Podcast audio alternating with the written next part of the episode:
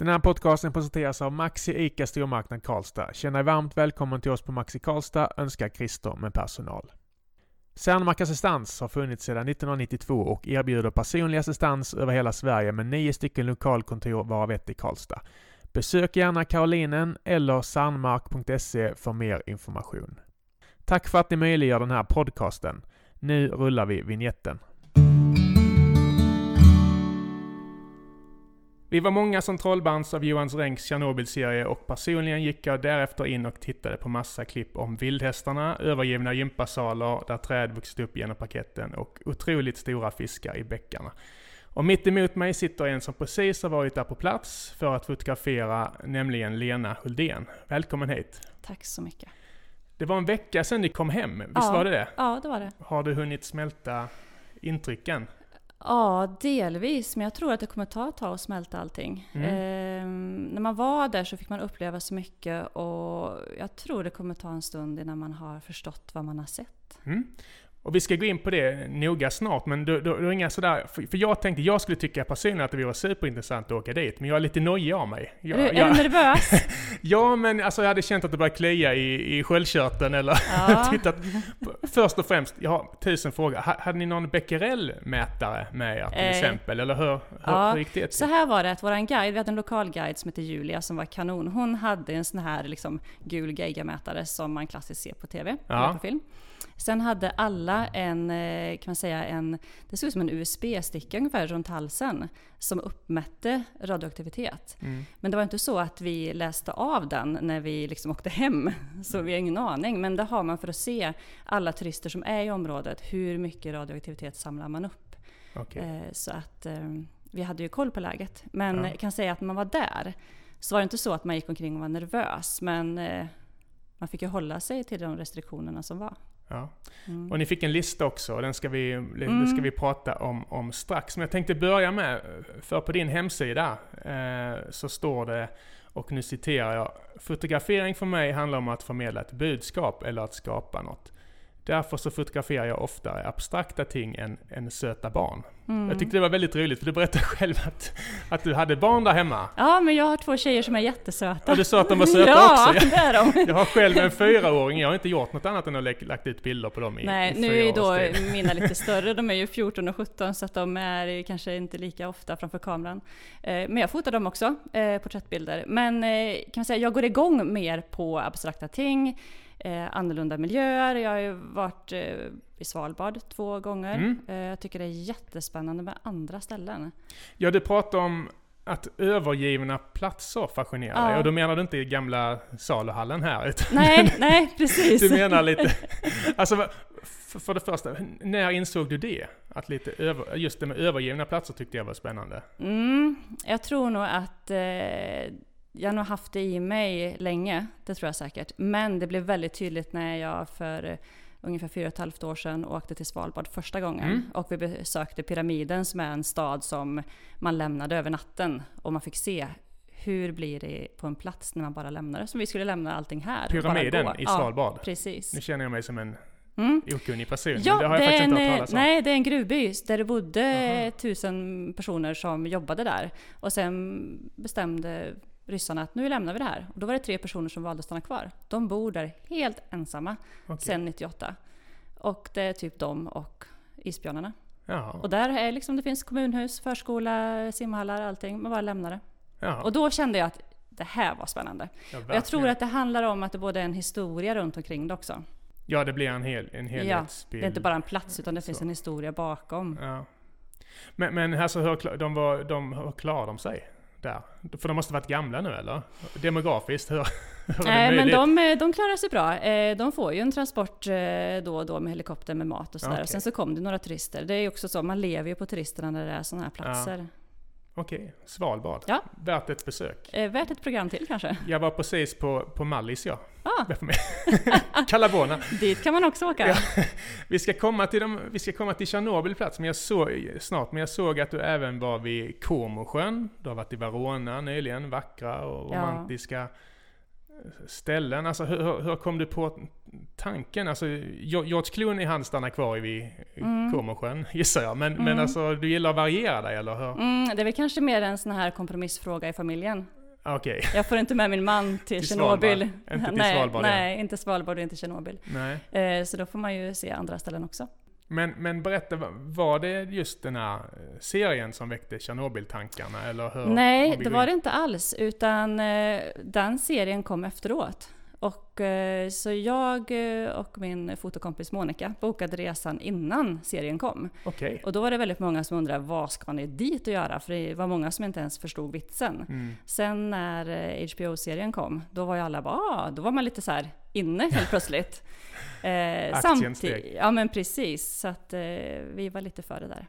Men just din, alltså det var en slump, ni kom på det här och tänkte att det skulle vara, bli fina bilder eller vad var det ja, som men Slumpen mest? var väl med att jag, jag och Monica åker alltid på en fotoresa per år. Och då mm. googlade runt, hittade företaget Zoom Fotoresor och såg att eh, det skilde sig lite. De har ju också fina resor till liksom, Galapagosöarna eller man ska mm. åka till Indien eller någonstans i Afrika. Men det som jag märkte med det här var ju att det här var ju en intressant rätt grå plats. Och sen så var det en intressant fotograf som var med också. Så det kändes som att nej, men det här blir nog kul. Mm. Kul ställe att åka till och upptäcka. Var ni mer eller mindre sugna efter att ha sett serien? Um, ska jag vara ärlig? Ja. Uh, jag var nog lite mer mindre. Mm. Varför då? För, uh, men då förstod man mer. Oj, vad har vi gett oss in i? Och vad är det här? Men när man väl kom dit så släppte det. Det var inte lika mystiskt nej, länge så eller? Nej. Men, men, Eller mer otäckt kanske man tänkte när man såg serien. Den, den är lite otäck. Ja, verkligen. För det är en otäck händelse. Ja. ja, verkligen. Jag tänker lite grann hur ni kom in, alltså när ni närmade er slutdestinationen. Mm. Jag hade ju en tanke om att ni kom där över med ett plan och såg sarkofagen och sådär, men det gick inte till så eller? Hur, hur... Nej, vi, vi kom med planet till Kiev först ja. och upplevde en väldigt vacker stad som är både modern och ren och fin. Mm. Eh, sen åkte vi minibuss upp ungefär två timmar, så vi kom till liksom första stationen, för det är liksom två stycken Eh, kan man säga, vaktställen du måste igenom för att komma in till den inre förbjudna zonen i Tjernobyl. Okay. Och då kommer du till ett vaktställe där, och då känns det, när man kommer dit, ja. att vi är någon annanstans. För då är det otrolig kontroll. Det är pass och du, är, du ska ha alla papper i ordning, du får den här mätaren på dig. Eh, du får inte fotografera någonstans där, inga Nej. byggnader, inte vakterna heller. Mycket, mycket restriktioner. Och då känns det direkt, nu nu kommer vi in i en annan det, värld. Är det panikkänslor eller? Nej, nej, mer spännande. Ja. Men eh, det är en annan värld. Sen kommer man in till andra vaktinstansen. Och, Vart är man då? Hur nära är man då? Eh, där den första är tre mil och den andra är en mil. Så den inre zonen är ju en mindre zon. Mm. Och när du pratar om inre zon, kan du berätta lite mm. vad det innebär? Eh, man kallar ju det för den förbjudna zonen. Mm. Där får man inte bo. Det är där som kärnkraftverket är. Och det är där som nu 2500 arbetare jobbar för att avveckla mm. kärnkraftverket. Eller egentligen de reaktorerna som står där. Det var ju fyran som olyckan var i. Mm. Eh, så att eh, det är det som man kallar för den förbjudna zonen. Jag har hört, och det är säkert fel då, men jag har hört att de fick flytta in ett äldre par nu. Mm. Eh, så att de bara, de, bara, de bara lät dem göra det till slut. Det kan vara en myt. Nej, det är inte det, för vi var där och hälsade på dem. Är det sant? Det är inte säkert att det kanske är samma par, men... Ja, men det är vi, det väl antagligen. Vi var till ett par, men de flyttade in där 90... Oh, när var det? Ja, det var ganska länge sedan. Ja, men det var ju länge sedan. ja, det var länge sedan. Ja, okay. precis. De bodde där och de uh, försörjde sig själva. Jätte, jättegulligt par. Helt otroligt mysiga. Mm. Eh, som vi pratade med på, ja, det gick inte att förstå deras språk som vi inte kan Nej. ryska. Men eh, nej, de valde själva och vi frågade dem vad, liksom, hur gick det till? Och de sa bara vi bestämde själva, vi struntade i alla restriktioner, här är vårt hem. Ja. Och det kan man ju förstå, det var deras hem. Hur många år efter, var det typ 7-8 år de inte fick bo? Eller när kom de tillbaks? Vet du det? Eh, jag tror nog att de kom tillbaka kanske efter sådär 7-8 år. Mm. Och så har de bott där. Mm. Märktes, det, märktes det något på dem? Alltså, jag tänker på strålning. Ja, men, de det... var helt normala. Ja. Ja, det... ja men jag menar men... inte att de hade två huvuden och tolv tår. Men jag... Det märktes inte alls på dem. De var precis som vem som helst. Ja. Hon hade till och med en iPhone. Okej. Okay. Mm. Ja, fantastiskt. Så världen finns där också. Hur gamla var de? Och de var nog kanske runt 60, mellan 65 och 70. Okej. Mm. Ja, pigga och modiga i alla Jätte, fall, det får man säga. jättetrevliga. Men, men sen när ni hade hunnit landa där, hur såg dagarna ut? Dagarna var väldigt intensiva. Mm. Vi eh, hade våran guide som visade oss platser som vi egentligen inte, tror jag, ibland fick vara i. Okej. Eh, hon var jättenoga med att när vi gick in i byggnader så skulle vi hålla oss i den liksom, ordning hon gick. Mm. För gick vi till exempel, vi gick oftast i eh, förfallna hus. Mm. Och gick man i ett hyreshus var det inte så att du fick vika av till höger eller vänster för det kunde antingen vara väldigt radioaktivt eller att det var rasrisk. Så det var en säkerhet att följa henne hela tiden. Ja. Och i vissa hus vi var i så var vi tvungna att vara jättetysta. För att vissa hus fick vi inte vara i egentligen. Okej. Eh, och det ibland var svårt för att du gick ju i en miljö där allting är förstört. Så du går ju i krossat glas, Mm. vilket hörs. Så Mm. ibland fick man smyga och ibland så gick det inte att smyga. Ni var där lite under radarn helt enkelt? Ja, lite. Och ibland så gick hon och hade sin munkluva på Mm. huvudet för att dölja sig själv också. Mm. Sen var vi på två tak och fick se allting i eh, staden Pripyat utifrån Mm. liksom ett annat perspektiv. Pariserhjulet och... Mm. Så Och då fick man se hur mycket som naturen har tagit över. För det är ju så att det är ju... Det växer igen. Ja, som sagt, jag var inne och tittade på massa klipp efter det här och just att vildhästarna, såg ni dem? Jag såg exempel. en, ja inte dem, jag såg en. Ja. Ja. Mycket varg och, Ja. och liksom träd som växer in i gymnastiksalar och sådär. Det är ju intressant, det är ju många forskare som är där och nu liksom ser hur beter sig djur. Mm, Och, eh, för där får ju djuren vara helt i fred. mm. Och eh, en del som du pratade om det här med de där gigantiskt stora fiskarna. Mhm. Det är för att ingen fiskar dem. De får ju växa fritt. Mm. Därför blir de stora. Mm. Så det har ju ingenting med egentligen radioaktivt nedfall att göra. Utan det är ju för att de får vara i fred. Så det kan komma något bra av... Det kan det eller- också göra. Ja. ja men häftigt. Och, och jag vet ju att det snackas om att det har blivit lite, jag vet inte om det är överdrivet eller inte, men att det har blivit lite av ett turistmål nu. Eller är det, Ja, är det överdrivet ja. först och främst? Jo men det sa ju, det sa ju våran guide. Mm. Att hon märkte ju en skillnad efter att HBO-serien kom. Mm. Och att eh, man då ser ett- ökat intresse. Men hon tippar ungefär 70 000 per år åker dit. Och det är lite märkligt också att man åker dit i turistsyfte. Man måste vara väl medveten om när man åker dit. Och ha med sig historien och vad som har hänt. Mm. Vilka är det som brukar åka dit? Det är inte så på Mallis, många bleka engelsmän och, och danskar, utan är det Nej, speci- nej det var det inte. det som Men eh, vi, det var inte så att vi trängdes. Vi såg ju några eh, turister också. Ja. För vi åt ju i samma matsal som de som arbetar på kärnkraftverket Ja. och även turisterna. Och det var ju också en upplevelse i sig att vara i den matsalen där Ja. allting var typ rosa och ljusblått och Mm. maten var grå. Mhm. Men det var ju bara att äta. Ja. Eh, och eh, nej men det var helt, många unga måste jag säga. Men ganska blandad befolkning. Och eh, det kan vi ju säga nu om folk blir nyfikna och tänker att podd är väl inte riktigt rätt forum. Eh, Jag har bett dig att välja ut eh, några favoritbilder på hemsidan och skriva Mm. någon liten förklaring under det. Så det, det kommer att finnas Mm. när den här podcasten släpps. Men som, som fotograf, Mm. du är ju mycket annat, men alltså hur skulle du vilja betygsätta upplevelsen? Oj, Motsvarade dina förväntningar? ja det gjorde det. Men jag skulle vilja haft lite mer tid. Mm. Hur länge var ni där? Eh, vi var där inne i själva området var vi nog i eh, fyra dagar. Fyra dagar? Ja. Det är väldigt mycket intryck. Vi, det var väldigt intensivt. Vi fick in väldigt mycket på den tiden. Men man behöver lite tid att bara liksom se vart är jag och bara ibland var man tvungen att bara släppa kameran för man ser allting via en lins Mm. och då får man ett annat intryck. Man tar inte in det, man får ju liksom som ett filter. Mm. Så ibland var man tvungen att bara lägga ner allting och bara stå och titta. Vad är det som egentligen har hänt på den här platsen? Och vad är det som händer runt omkring? Eh, till exempel besökte vi ju brandstationen. Eh, de brandmännen var ju först på plats och det var ju inte många av dem som överlevde. Nej. Och det var en sån plats man verkligen fick stå och titta och tänka att oj, vad hände här? Men, men, men, men får höga betyg av det? Alltså som Oh ja, precis! så. Ja, verkligen. Ja. Som fotograf kan jag varmt rekommendera att åka dit. Men man måste också vara förberedd på att det, det är mycket intryck. Mm.